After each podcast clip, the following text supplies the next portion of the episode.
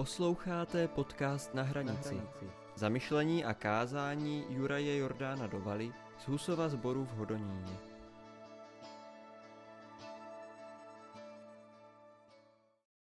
povstali.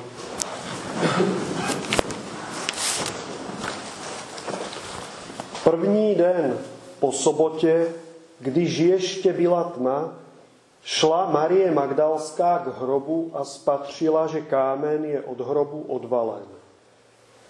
Běžela k Šimonu Petrovi a k tomu učedníkovi, kterého Ježíš miloval, a řekla jim, vzali pána z hrobu a nevíme, kam ho položili. Petr a ten druhý učedník vstali a šli k hrobu. Oba dva běželi, ale ten druhý učedník předběhl Petra a byl u hrobu první. Sehnul se a viděl tam ležet lněná plátna, ale dovnitř nevešel.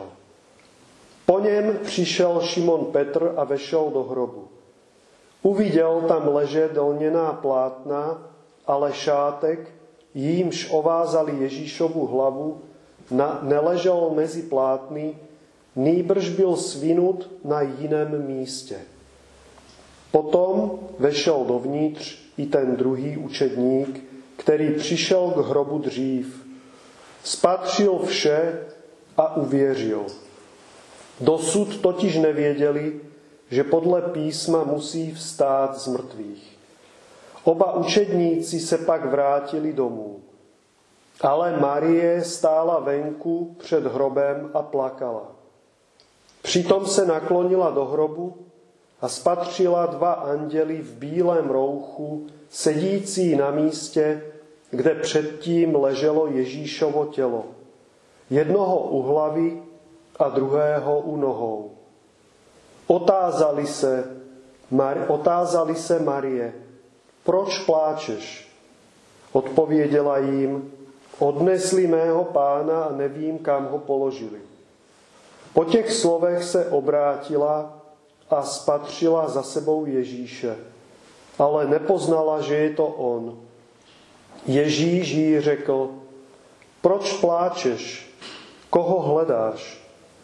V domnění, že je to zahradník, mu odpověděla, jestliže ty z jej, pane, odnesl, řekni mi, kam si ho položil a já pro něj půjdu. Ježíš jí řekl, Marie obrátila se a zvolala hebrejsky rabunny. To znamená mistře. Ježíš jí řekl, nedotýkej se mne, dosud jsem nevystoupil k otci. Ale jdi k mým bratřím a povězím, že vystupují k otci svému i otci vašemu a k Bohu svému i Bohu vašemu. Marie Magdalská šla k učedníkům a oznámila jim, viděla jsem pána a toto mi řekl. Amen. A môžete si sadnúť, milé sestry a milí bratia. Ako som hovoril už v úvode, dnes je veľkonočná nedela, kedy slávime vzkriesenie pána Ježíša Krista. Je to teologicky aj liturgicky najvýznamnejší kresťanský sviatok a oprávnenie. Každý z nás zažil vo svojom živote vzkriesenie. Každý sám na sebe zažil vzkriesenie. Pretože sme neboli a teraz tu sme. Neexistovali sme. Pred 100 rokmi nikto z nás tu nebol. Na tejto planéte nechodil. Teraz tu sme, sedíme, dýchame, vnímame. Zrazu máme dar života, existencie. Ale to je len začiatok. To je len začiatok nášho skriesenia celkového. Pretože tie skriesenia musia nasledovať potom ďalšie. Keď sa pozrieme na svoj život, tak ako vyzerá. Polosnenie, polovedomie, častokrát hlboké bezvedomie. Bezducho kráčame po ulici Bezducho jazdíme v autobuse, bezducho pracujeme, bezducho sedíme. Väčšina ľudí na planéte len spí na celej zemi. Väčšina ľudí len spí. Sme v takom komatickom stave. Občas, keď sa udeje niečo významné, tak nás to preberie. Narodeniny, Silvester, Zrazu zavnímame, máme dni, keď sa nám všetko darí, keď nám vychádzajú veci a ten deň sa nám hlboko vtlačí do duše, pretože sme ho prežili v šťastí, v radosti a v kráse. Stane sa takým svetielkom na ceste. Ale aj smútok niečo nás hlboko rozosmutní a ten, ten deň sa vypáli do našej duše ako stigma a je pre nás dôležitý. Aj po desiatich rokoch si vieme spomenúť a povieme, to je ten 17. apríl pred desiatimi rokmi. Stalo sa to a to. Zomrela nám babička. Zomrela mi maminka. Zažijeme niečo hlboké, citové, emočné, čo nás zasiahne a my na chvíľku sa preberieme. Na chvíľu vnímame. Ale väčšinu života skúmajme samých seba, to, čo robíme. Medzi tým žijeme, nežijeme, bdieme alebo spíme, kde vlastne sme. Mám kamaráta, ktorý mi hovorí, zase sú Vianoce.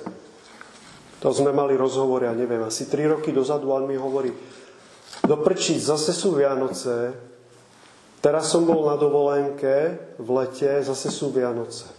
Ani sa nenazdám, bude Veľká noc, potom dovolenka v lete a zase Vianoce. Všimnite si, on vyjadruje hlbokú podstatu. Ani sa nenazdám a bude veľká noc, budú prázdniny a dovolenka, tri alebo štyri svetlé body v rámci roka a medzi tým nič. Medzi tým vlastne nežije, lebo o tom ani nevie. Preberie sa na Vianoce, na Veľkú noc a na dovolenku v lete. Ale to je väčšina z nás. My strácame, pomedzi prsty nám preteká život. Samotný život nám preteká pomedzi prsty, to, že môžeme kráčať ducha prítomne, to, že môžeme sedieť ducha prítomne, pracovať ducha prítomne. V kresťanskej mystike sa to nazýva prax Božej prítomnosti. Ak sme plne ducha prítomní a vnímam, že tu teraz som, vnímam, čo sa odohráva, vnímate, že sedíte, tak v tej chvíli žijete. Ale ak upadneme do bezmyšlienkovitosti a ani vlastne nevieme, čo sa s nami deje, tak v tej chvíli sme odpojení od života. Sme odpojení od energie života, ktorá nás všetkých prepája. Od Boha sme odpojení. To tak to je. Minulý týždeň som šiel po Brne a počúval som vtáky. Vnímal som spev vtákov a popri tom som si privoniaval ku kvetom. Teraz sú samozrejme rozkvitnuté všetky stromy. Je to krásne, požehnané obdobie v roku. Milujem vôňu kvetov zo stromu, tak som si k ním privoniaval. Aj ku kvetom, ktoré sú tam na trávniku, a asi je to niečím podozrivé, lebo pani, ktorá venčila psíka blízko mňa, tak som sa stal pre ňu nejakým spôsobom nebezpečný, pretože ma začala sledovať, že čo tam s tým stromom robím, prečo beriem tie vetvičky a prikladám si ich k nosu a radšej toho psa brala preč, aby, nebola, aby sme neboli blízko seba radšej ho šla venčiť niekde inde. Rovnako ako dve mamičky, ktoré sedeli na lavičke, kde som, tam v tej tráve boli krásne rozkvitnuté púpavy. Bol tam popenec, úžasná bylinka, liečivá, mnohí z vás ju poznajú, po slovenský zádušník. A boli tam sedmi krásky. Tak som si k ním privoniaval a maminky dve, ktoré tam boli s deťmi, ma začali sledovať. Možno aj výzor, samozrejme chápem, že dlhá brada a vlasy, že to nie je nič, čo by konvenovalo. Takže radšej potom po chvíľočke vstali a išli niekde inde si sadnúť. Ľudia, ktorí začínajú, alebo ľudia, ktorí vnímajú, tak v istom zmysle sa stávajú nebezpeční, lebo kto vie, prečo to robia. Čo tým sledujú? Možno tam inhalujú a, a čuchu, čuchajú ten pel, že to je nejaká nová droga, ktorá ľudí dostane do zmeneného stavu vedomia, sú divní a nebezpeční. Radšej poďme od nich preč. Ukazuje to, že sme vlastne slepí a hluchí voči prúdeniu života. Pretože tie stromy kvitnú len veľmi krátky okamih, pár dní v roku. Keď voniatia sledujete kvety na stromoch každý deň, tak viete, že je to púčik, ktorý sa rozvinie a za týždeň už opadáva a odkvitáva. Alebo 10 dní. Veľmi krátko kvitnú stromy a vtáky na jar spievajú inak než po zbytok roka.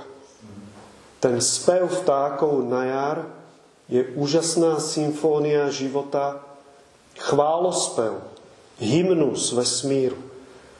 Je, je nabudený tomu, čo Indovia hovoria prána, energia Ducha Svetého, ktorá sa prejavuje životodárne, pretože je jar, príroda sa prebúdza, všetko sa prebúdza.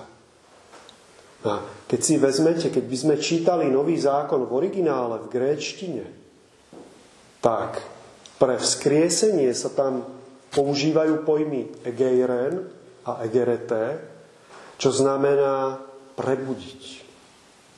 Vstať, napriamiť sa. Alebo ešte jeden pojem, anastasis.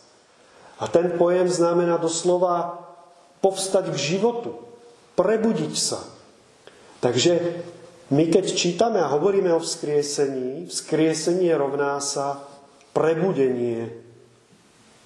Prebudenie sa k životu. To znamená vzkriesenie. Stačí, keď urobíme takú vec, že ideme do prírody, do parku alebo do lesa a vnímame spev vtákov. Ale nie minútu. Aspoň 20 minút. Nerobme nič iné, v ním ponorme sa v meditácii do spevu vtákov. 20 minút, pol hodina, kľudne urobte to hodinu zázraky. Budeme počuť, budeme počuť úžasné veci. Budeme počuť tú hymnu života, ktorú vtáčiky zo svojich hrdiel vyslovujú. Budeme tam počuť úplne zreteľne, oni, oni hovoria a vykrikujú, ja žijem, ja žijem. Vyznávajú si lásku, dohadujú sa, komunikujú spolu, Niekedy sa aj pohádajú.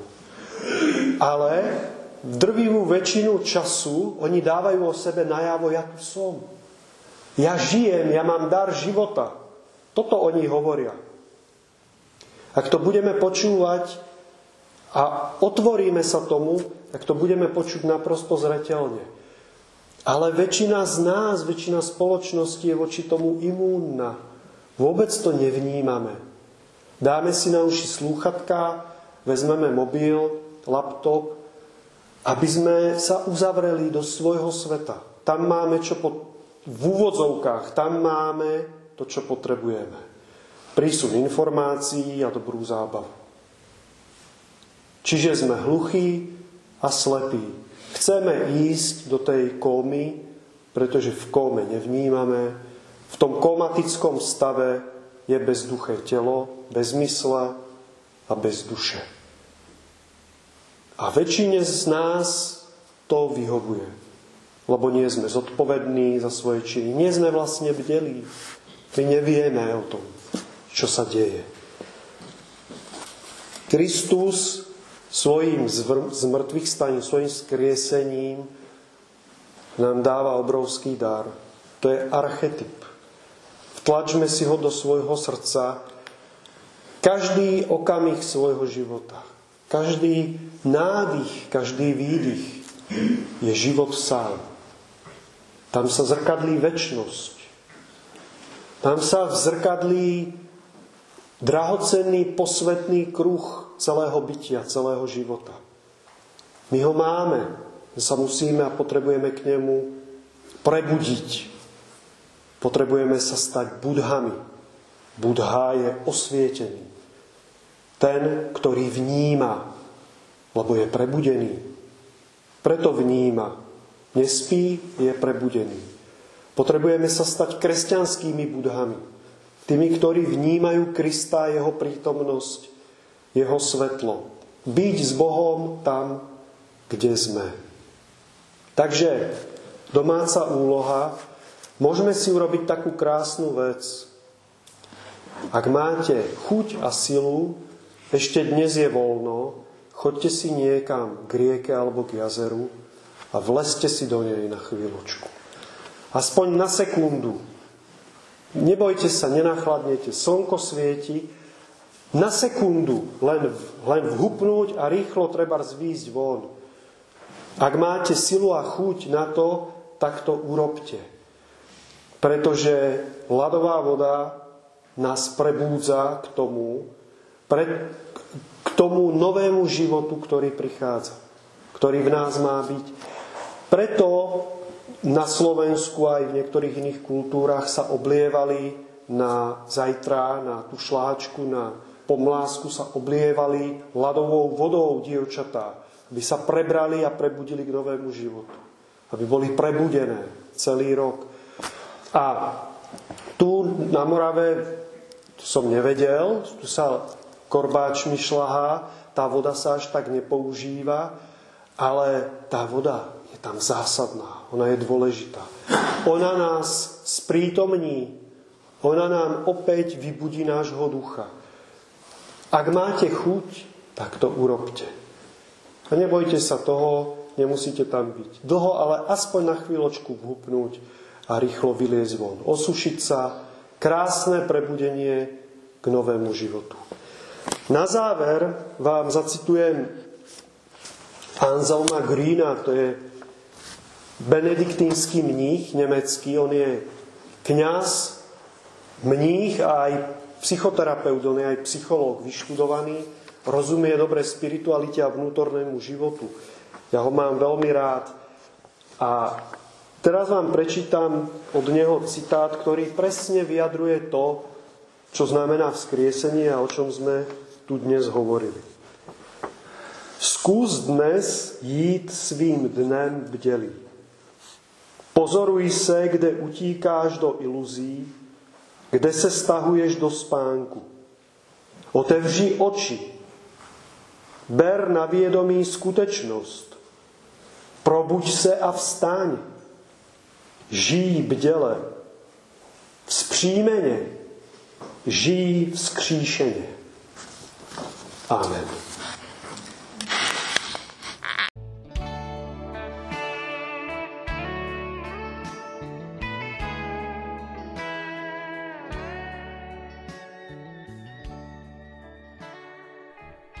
A nezapomeňme, láska přemáhá každé zlo.